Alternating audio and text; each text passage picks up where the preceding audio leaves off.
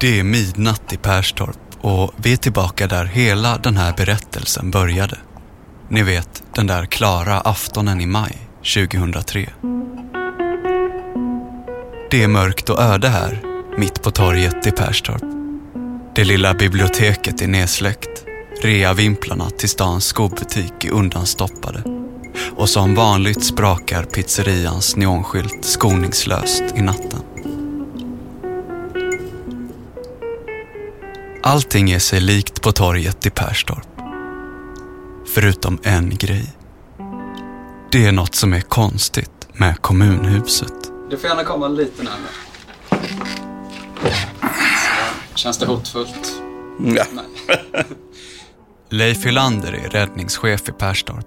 Han är expert på kemikalieolyckor och har precis landat på flygplatsen i Köpenhamn efter en resa till Tyskland. Så vi landade i Kastrup. Ja. Vi hade en eh, taxi hem och någonstans eh, ja, mellan Landskrona och Helsingborg och så ringde telefonen. Leif sitter i taxin när han plötsligt får ett samtal. Det är någon som ringer och berättar att det droppar vatten från kommunhuset.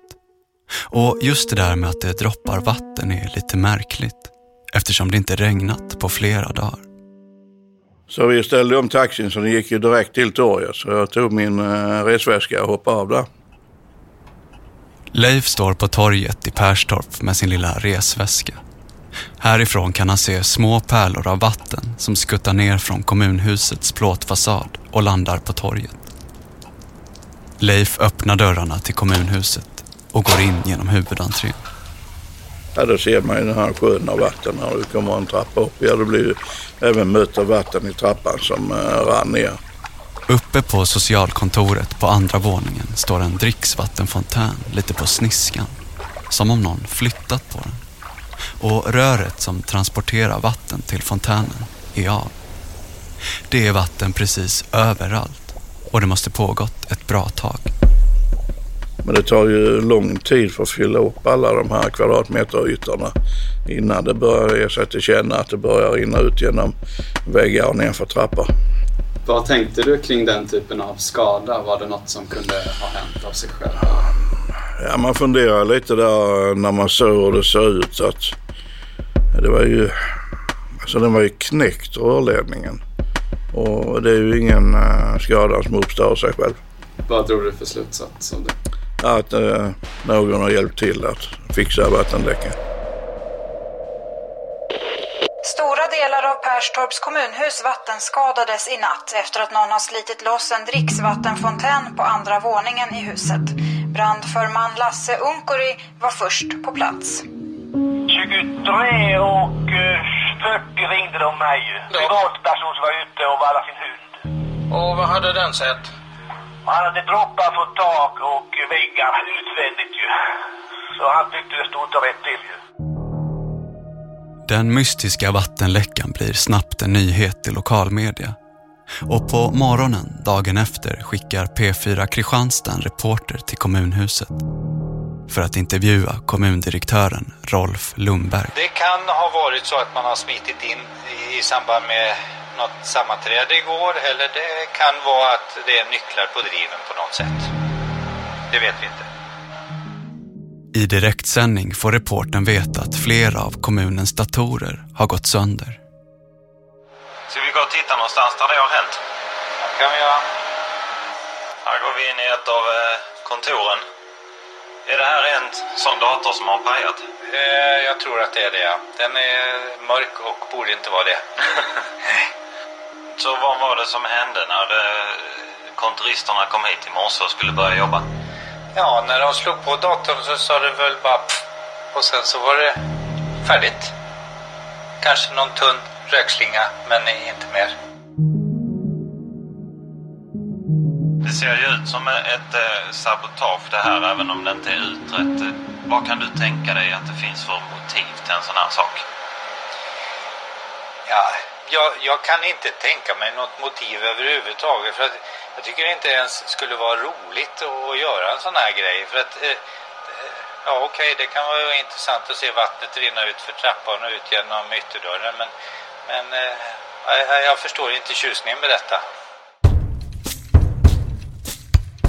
Det kommundirektör Rolf Lundberg inte vet, det är att samtidigt som han intervjuas av lokalradion tömmer någon kommunen på pengar. På varenda litet öre. Översvämningen i kommunhuset i Perstorp i förra veckan var ett försök att dölja en 20 miljoners svindel. Det är thrillerartat. Helt otroligt. Helt otroligt att det kunde ske. Vi hade aldrig kunnat tänka oss att en kommun skulle bli utsatt för en sån här kupp. Och på det här sättet. Det är ju sånt här man ser på film. Det händer ju inte på riktigt. Men det gjorde ju det, uppenbarligen.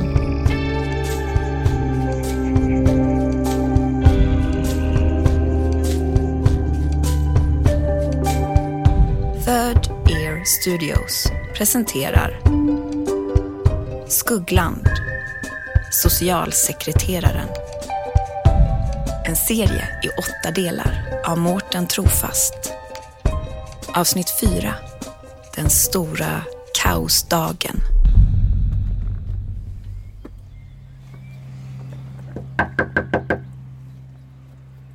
Fem minuters cykelfärd från kommunhuset i Perstorp bor ekonomichefen Anders Ottosson. Anders? Det är Mårten. Yes. Du är mycket välkommen. Tack så mycket. Han har ingen aning om vad som hänt på kontoret under natten. Kom in. Tack. Den 23 maj 2003, Mm när du kommer till kontoret, kan du berätta vad, vad möts du av? Ja, eh, jag eh, kommer ju då på morgonen den 23 maj, det var en fredag. Halv åtta, åtta ungefär. Och eh, då, då märker jag, jag ser direkt att räddningstjänstens fordon står ju utanför ingången till eh, eh kommunhuset och eh, Eh, jag ser eh, att golvet i korridorerna är ju täckt med vatten. Man håller ju på att sopa ut det här. Va? I rummen, olika rum, så har ju räddningstjänsten satt sådana här avfuktningsmaskiner som står och för lite oljud. Va? Och insatsledaren Leif då är ju också med. Och eh, det jag får reda på då är ju att anledningen till den här eh, vattenläckan, det var ju att någon hade ryckt sönder ett rör till vår dricksfontän. Samt datorerna har utsatts för ett sabotage. Det var det jag visste då. Men sen började det några timmar sedan bli ännu värre så att säga. Ja, jag brukar ju, jag brukar ju vara eh, först på jobbet i princip. Men det var jag inte den här morgonen. Så småningom kommer också kommundirektören Rolf Lundberg till arbetet. Kommunkontoret då ligger ju en trappa upp. Och när jag kom upp där så stod det en sån här byggtork. Och det var väl några i växeln, receptionen där som var där. Så jag frågade, vad, men vad i hela fridens namn är detta? Då undrar man ju liksom, vem har gjort det här och varför? Vem som helst kunde ju inte ta sig in för det fanns ju inga eh, tecken på att någon hade brutit sig in. Så det måste ju vara någon som hade tillgång till nycklar då. Och eh, vem skulle det kunna vara och varför? Ja, det, det var ju något att grunna på. Men sen så när jag stod där och, och pratade och så kom en till mig och sa Du, min dator startar inte. När jag tryckte på start där så, så det liksom fräste till och så kom det lite rök upp ur den. Jaha, vad konstigt. Ja, ja, men det, det är väl nätdelen som har gått och det, det kan ju hända. Ja. ja, några minuter senare kom en till. Du, min, jag får inte igång min dator. Och sen var det ju ett antal då som kom med samma budskap. Jag var ju en av dem som smällde min dator. Socialsekreteraren Karin Cohen anländer till kommunhuset i Perstorp. Jag brukade komma in och jag kom in bakvägen då. Vilket ju gör att man, jag kom ju inte via huvudentrén. Går upp på mitt rum, startar datorn och den puffar. Och går ut i korridoren och då är det ju allmänt liksom så här, folk springer fram och tillbaka och det är mycket liksom. Så det är ju så här, vad, vad fan har hänt? Um, och då får jag ju historien om vattenläckan och hela grejen. Och sen får vi ju då reda på att man även är utslängd från eh, administrationssystemet för, för hela kommunens eh, ekonomi. Så att då var det mest stirrigt liksom. Kommundirektören Rolf Lundberg blir omringad av sina anställda. Det kommer personal från alla håll och kanter som har problem med olika saker. Sen kom man från SOS och sa att eh, det här pro capita startar inte. Nej. Och så kom man från ekonomiavdelningen och sa att ekonomisystemet går inte igång. Nej. Och då började man tänka, det här verkar ju alldeles för bra. Det här är, det här är inte tillfälligheter. Kommunens tekniker Peter Hintz undersöker datorerna och gör snabbt en intressant upptäckt. Någon har ställt om spänningen till datorerna från 220 till 110 volt. Och då pajar ju datorerna för då, då blev det för höga strömstyrkor. Vattenläckan, datorer som inte startar och system som ingen kommer in i. Allting på samma gång. Det kan inte vara tillfälligheter. Och då började jag fundera, vad sjutton är det här? Alltså, vi visste ju att det var någonting som inte stämde. Natten till idag så har kommunhuset i Perstorp utsatts för ett misstänkt sabotage. Någon har slitit av vattenledningen till en dricksfontän. Vattnet forsade ut ur byggnaden och förbipasserade slog larm vid ett-tiden när de såg det flöda ut på gatan. Och dessutom så har också ett tiotal datorer förstörts i kommunhuset. Någon misstänkt har inte gripits under natten och skälet till skadegörelsen är okänd.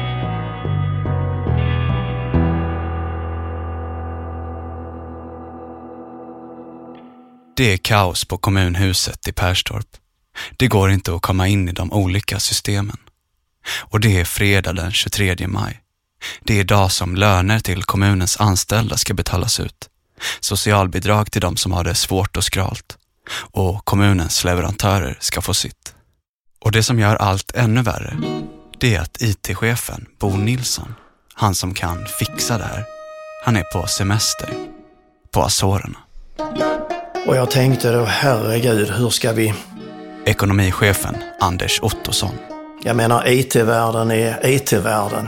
Jag är ingen IT-människa och det ska jag inte vara heller, men hur, hur i bomben ska vi nu kunna lösa detta? IT-chefen Bo Nilsson är så långt ifrån Perstorp man bara kan komma. På Azorerna, den portugisiska ögruppen som ligger mitt ute på Atlanten. Bo semestrar på goda drinkar och turkosa vatten. Så får han plötsligt ett samtal. Från kommunens tekniker, Peter. Det var ju ofta Peter behövde ringa och fråga om någonting. Då ringde han på morgonen i alla fall. Och då var väl klockan åtta. Då var, klockan var väl det var sju eller sex nere på Azorerna, för det är ju då tidsskillnaden. Då berättade han då att det är full översvämning när man kommer in, sa han. Alltså kommer upp på kontoret. Hela kontoret badar i vatten. Va? Och sen så beskrev han liksom då hur situationen var på IT-sidan. Ja. Att eh, det var omställt eh, spänningen från eh, 220 volt till 110. Och sen startar man datorn då, för då smäller man ju nätaggregatet. Puff. Ja, precis. IT-chefen Bo fattar misstanke. Det kan inte vara en slump att allt det här händer exakt samtidigt. Han hade inte sagt bara att det är översvämning. Då hade jag ju inte reagerat för det. Men när jag samtidigt säger det att det är 10-15 datorer på socialkontoret som inte fungerar. Alltså då, då direkt klockar det, klickar det igen att det är alltså någon form av attentat. Va? Bo tror att den lilla kommunen utsatts för ett mystiskt attentat. Men Bo kan inte göra något. Han är ju fast på en portugisisk ögrupp mitt ute på Atlanten. Så ringde jag ju direkt då till, jag fick tag på Jerry då. Det var Bo Nilsson som ringde och han hade fått veta att det var en skadegörelse, en vattenskada i kommunen och han ville att jag skulle köra dit för han befann sig på semester. Det här är kommunens IT-konsult, Jerry Persson. Du kör dit, vad händer? Jag möts av en vattenskada när jag kommer dit. Eh, Översvämning i eh, kommunhuset och kaos till höger och vänster. Ingen vet någonting. De på individ och familjeomsorgen som drabbades av den här vattenskadan eh, har försökt att få igång sina datorer. Eh, då visar det sig att samtliga datorer är omställda till 110 volt och powersupplyen smäller på samtliga datorer. Så där någonstans börjar jag göra ana ugglor i mossen var jag ska börja och titta någonstans. Jag ringer och pratar med Bosse igen. Bo berättar för Jerry att han misstänker ett attentat. Och Jerry får order om att inte göra så som han brukar göra när IT-systemet kraschar. Normalt sett så försöker man ju få, få igång system som står stilla. Men i detta fallet så gjorde jag tvärtom. Jag ryckte ut nätverkskabeln och struntade i att folk inte kom in. För jag anade att det var någonting som inte stämde där. Hade jag gjort en normal felsökning, det vill säga konstaterat att jag inte får igång systemet, så finns det ju en backup ifrån föregående natt som man kan lägga på. Och hade jag gjort det så hade jag ju raderat alla spåren över vad som hade skett på kvällen innan. Jerry struntar i att återskapa backupen som hade läst över alla loggfiler från kvällen innan. Men eh, eftersom jag bestämde mig för att det gör jag inte, utan det här, jag skulle hitta vad det var för någonting. Och det var ju tur att jag gjorde det, för annars hade jag ju aldrig hittat detta. Istället går Jerry bakvägen, att inte starta om systemet. Och nu ska han leta efter spår i en server med miljontals filer. Så jag sitter egentligen i serverrummet och letar efter någonting som jag inte vet vad jag letar efter. Utan jag börjar att leta efter förändringar som är gjorda efter ordinarie arbetstid dagen innan. Och börjar att hitta loggar som är daterade kvällen innan vid 19-tiden, 19.15, 19.20. Och då börjar jag samla på mig den informationen och sen börjar jag titta i informationen vad det är för någonting. Och då hittar jag ju ganska fort transaktioner som har gått iväg efter 19 på kvällen. Och när jag gör en snabb summering av det så är ju summan hisnande. Den är ju över 20 miljoner. Luften är kvav inne på serverrummet på kommunhuset i Perstorp. Jerry Persson svettas. Han kan inte fatta det han ser framför sig. Det verkar som att betalfiler på 20 miljoner kronor är på väg att lämna kommunen. Jerry tittar närmre i loggarna och då kan han se vem som signerat utbetalningarna. Klockan 18.45 kvällen innan loggar användare ISSM in i sociala programmet Pro Capita. Det är ISSM som har signerat utbetalningarna på 20 miljoner kronor. Jerry ringer till Bo. Då berättade han då att vad han kunde tyda loggarna på så var det utkört utbetalningar som tillsammans låg här mellan 20 och 23 miljoner. Och han kunde ju även se då vilken signatur det var. Alltså som hade loggat in i Procapita och gjorde det här. Och vem var det? Det var ju eh, Maj-Britt.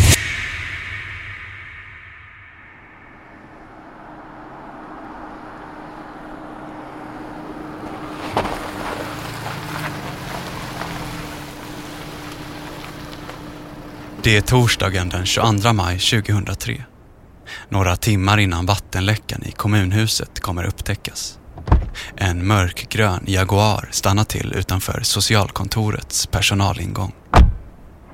Klockan 18.27.57 öppnas dörren till kommunhuset med IT-chefen Bo Nilssons extra nyckel. Men vänta. Var inte han på Azorerna? Jag hade jobbat ovanligt länge.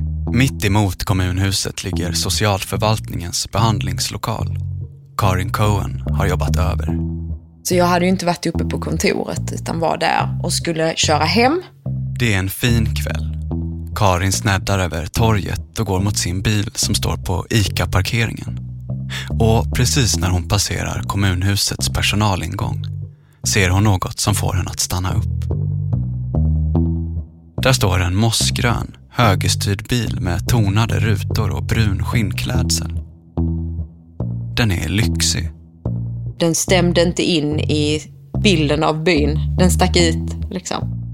Den mörkgröna bilen har utländska gräddvita reggplåtar. Och Karin reagerar över att ratten sitter på höger sida.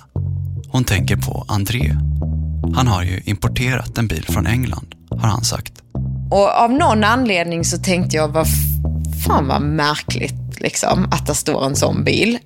Um, och så tänkte jag, är det André som är här? Och, och vad fan har han här att göra? André har ju fått sparken. Han är avstängd. Han hade ju blivit av med sin delegering och fråntagen sina nycklar då. Så han skulle inte ens kunna komma in. Så han skulle ju inte vara där. Och särskilt inte på kvällen. Karin ringer till en kollega och frågar vad hon ska göra. Och han sa, men vad fan, det kan ju faktiskt vara en engelsman som är inom och köper en liter mjölk. Liksom. Nu är du ju paranoid. Ja, men det är jag säkert. Men sen när jag hade lagt på så bestämde jag mig ändå för att gå upp och kolla.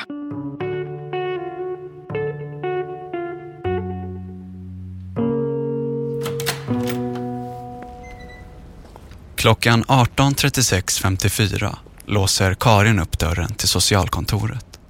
Nio minuter efter att IT-chefen Bo Nilssons extra nyckel öppnat samma dörr. Och när man kommer upp så pass sent så var det ju såna här tunga branddörrar. Så när man kom och gick i dem så hördes det ju ganska tydligt. För det är ju såna här, puff, de stänger ju ganska tungt. Liksom. Karin är uppe på socialkontoret på andra våningen. Hon tittar ut i korridoren. Jag stod ju i en tom korridor, liksom. Tom och tyst och nersläckt, liksom. Karin sneglar mot Andres dörr. Den är stängd. Och går rakt fram till hans kontorsdörr och rycker i den. Och den är låst. Och då tänkte jag att nej, men du är precis så Eva paranoid som, som vi sa. Och så gick jag igen. Karin går ner för trappan igen. Ut i den fina kvällen och pustar ut. Socialkontoret är tomt. Här finns ingen André. Och Karin känner sig lättad, men lite fånig. Vad tänkte du att du eventuellt skulle avslöja? När du gick upp där?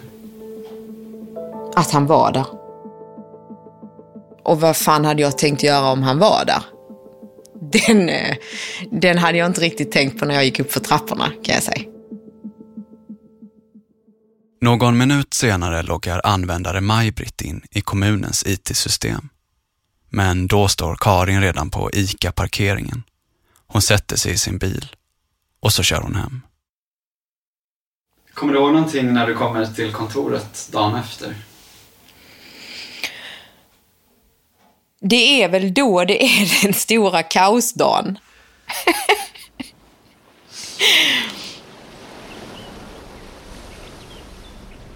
IT-chefen Bo Nilsson sitter på sänggaveln i hotellrummet på Azorerna med mobiltelefonen klistrad vid örat. Han tar sig för pannan. Han har precis fått reda på att 20 miljoner kronor är på väg att försvinna från kommunen. Och den som signerat utbetalningarna är användare ISSM. Vilken signatur var det? Det var ju eh, Maj-Britts. Men Maj-Britt var ju inte där ju. Hon var ju tjänstledig. Så det måste ha varit någon annan? Precis. Socialchefen Maj-Britt är sedan två månader sjukskriven efter misshandeln. Och Bo misstänker att det är någon annan som gjort utbetalningarna. Han tror att det är André. Jag var ju helt säker på att det var André då. Därför att det, vem, vem skulle annars göra det? Så jag ringde ju tillbaka till Jerry då. Bo ringer till IT-konsulten Jerry som sitter och svettas i serverrummet på kommunhuset i Perstorp. Och han ger Jerry nya instruktioner. Att leta efter André i loggarna. Jag ska koncentrera mitt arbete på att leta mer information om André. Så där börjar ju snarare att dra sig åt och jag börjar koncentrera mig mer och mer på André. Hans inloggningar, chefens inloggningar, tidpunkterna, summorna och till vilka konton de här pengarna skulle gå. Och nu gör Jerry en ny upptäckt. Han ser något märkligt i loggarna. Han ser att minuten innan användare Maj-Britt loggar in i kommunens system loggar användare André in i samma system. Men André är ju avstängd. Han har ju blivit av med sin nyckel och ska inte ens kunna komma in på kontoret.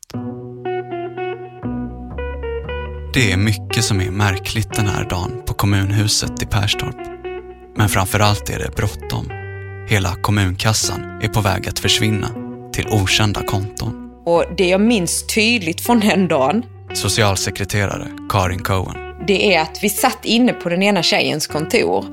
Och vi satt allihopa där inne i princip. Så jag minns att jag satt på golvet liksom, vid ena väggen där.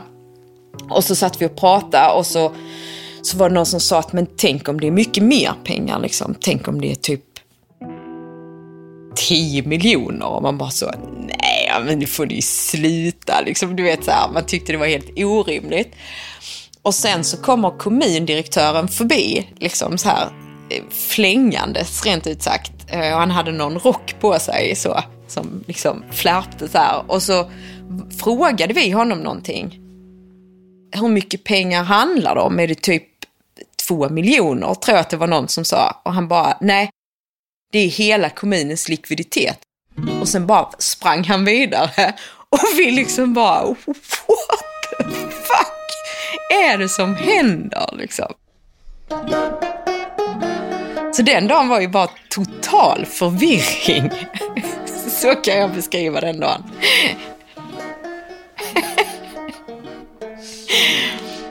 Ett antal filer hade då skrivits och eh, skickats iväg för utbetalning. Nämligen hela det likvida kapital som vi hade i kommunen då. Ekonomichefen Anders Ottosson hade cyklat hem på lunch och jag ringde till honom och sa att han fick trampa tillbaka fort som bara den och ner till banken. Och be dem stoppa de här övriga filerna som hade skickats iväg för utbetalning. Och vid halv två-tiden så blev jag då informerad av kommundirektören att IT-konsulten Jerry då har upptäckt att fem betalfiler har skickats iväg från kommunhuset. Verkar det som. Han är inte riktigt säker, men han kan se att någonting har lämnat. Fem filer. Och det har lämnats alltså på kvällen den 22 maj, alltså torsdagen innan. Hur mycket fanns i kommunens kassa vid den här tidpunkten? Vid den, denna tidpunkten fanns 20 miljoner 349 542 kronor och 50 öre. 20 miljoner 349 542 kronor och 50 öre. Pengar som nu är på väg att försvinna. Jag kände då att paniken steg och eh, jag eh, tänkte nu, nu gäller det att sätta fart på benen så jag sprang som en vettvilling. Jag är ju som sagt var gammal orienterare så jag hade väl lite grundkondition kvar. Så jag rusade över då till Föreningssparbanken. Det rör sig kanske om 200 meter. Hade jag ställt upp mot Ben Johnson i Seoul 1988, han var visserligen dopad och sprang på 9,79 så hade jag slått honom i det ögonblicket. Det gick undan, det kan jag säga. Det var tur att inte jag mötte på några så jag välte dem under den tiden. Men i alla fall när jag kom in där så var det fullt av folk och eh, det var en kölapp man skulle ta. Och som svensk så är vi väldigt eh, lojala när det gäller att stå i kö. Så jag kommer ihåg, jag drog den där lappen och så fick titta på den och då, eh, paniken fanns ju här och adrenalinet var ju utanför öronen på en. Vad fan står det? 8-10 minuter var det. Jag kan för fan inte stå här tänkte jag själv. Så var det någon som talar här inne. Skit i den där jävla kölappen och gå förbi alla andra rakt igenom kontoret. Och in förbi den övriga medarbetare på, på Föreningssparbanken och in till Britt-Marie som hon heter.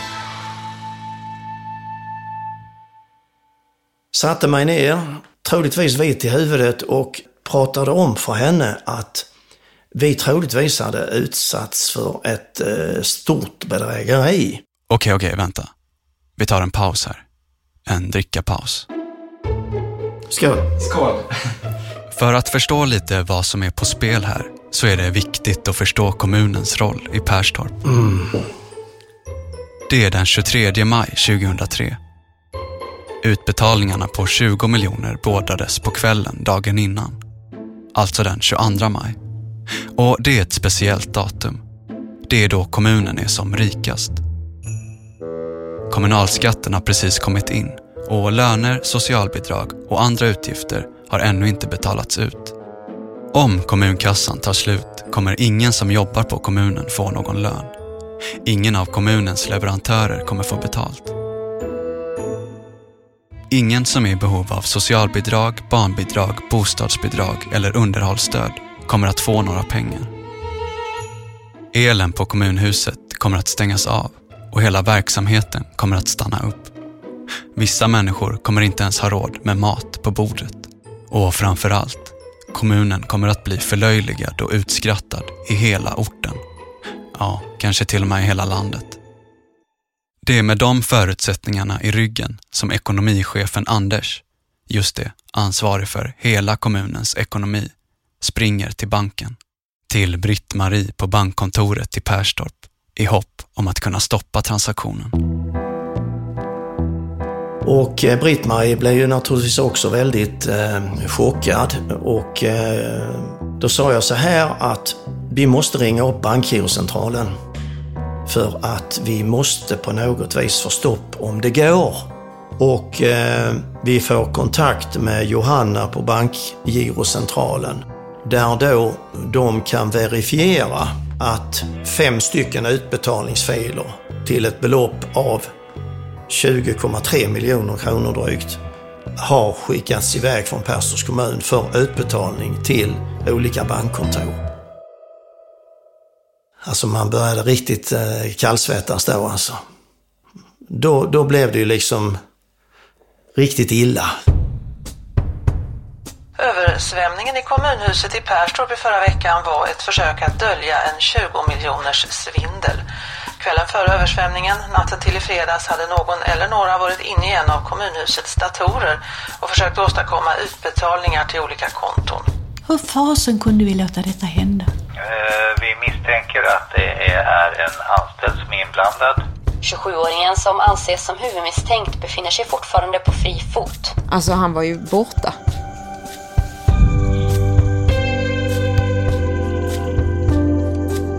Du har lyssnat på Skuggland, socialsekreteraren.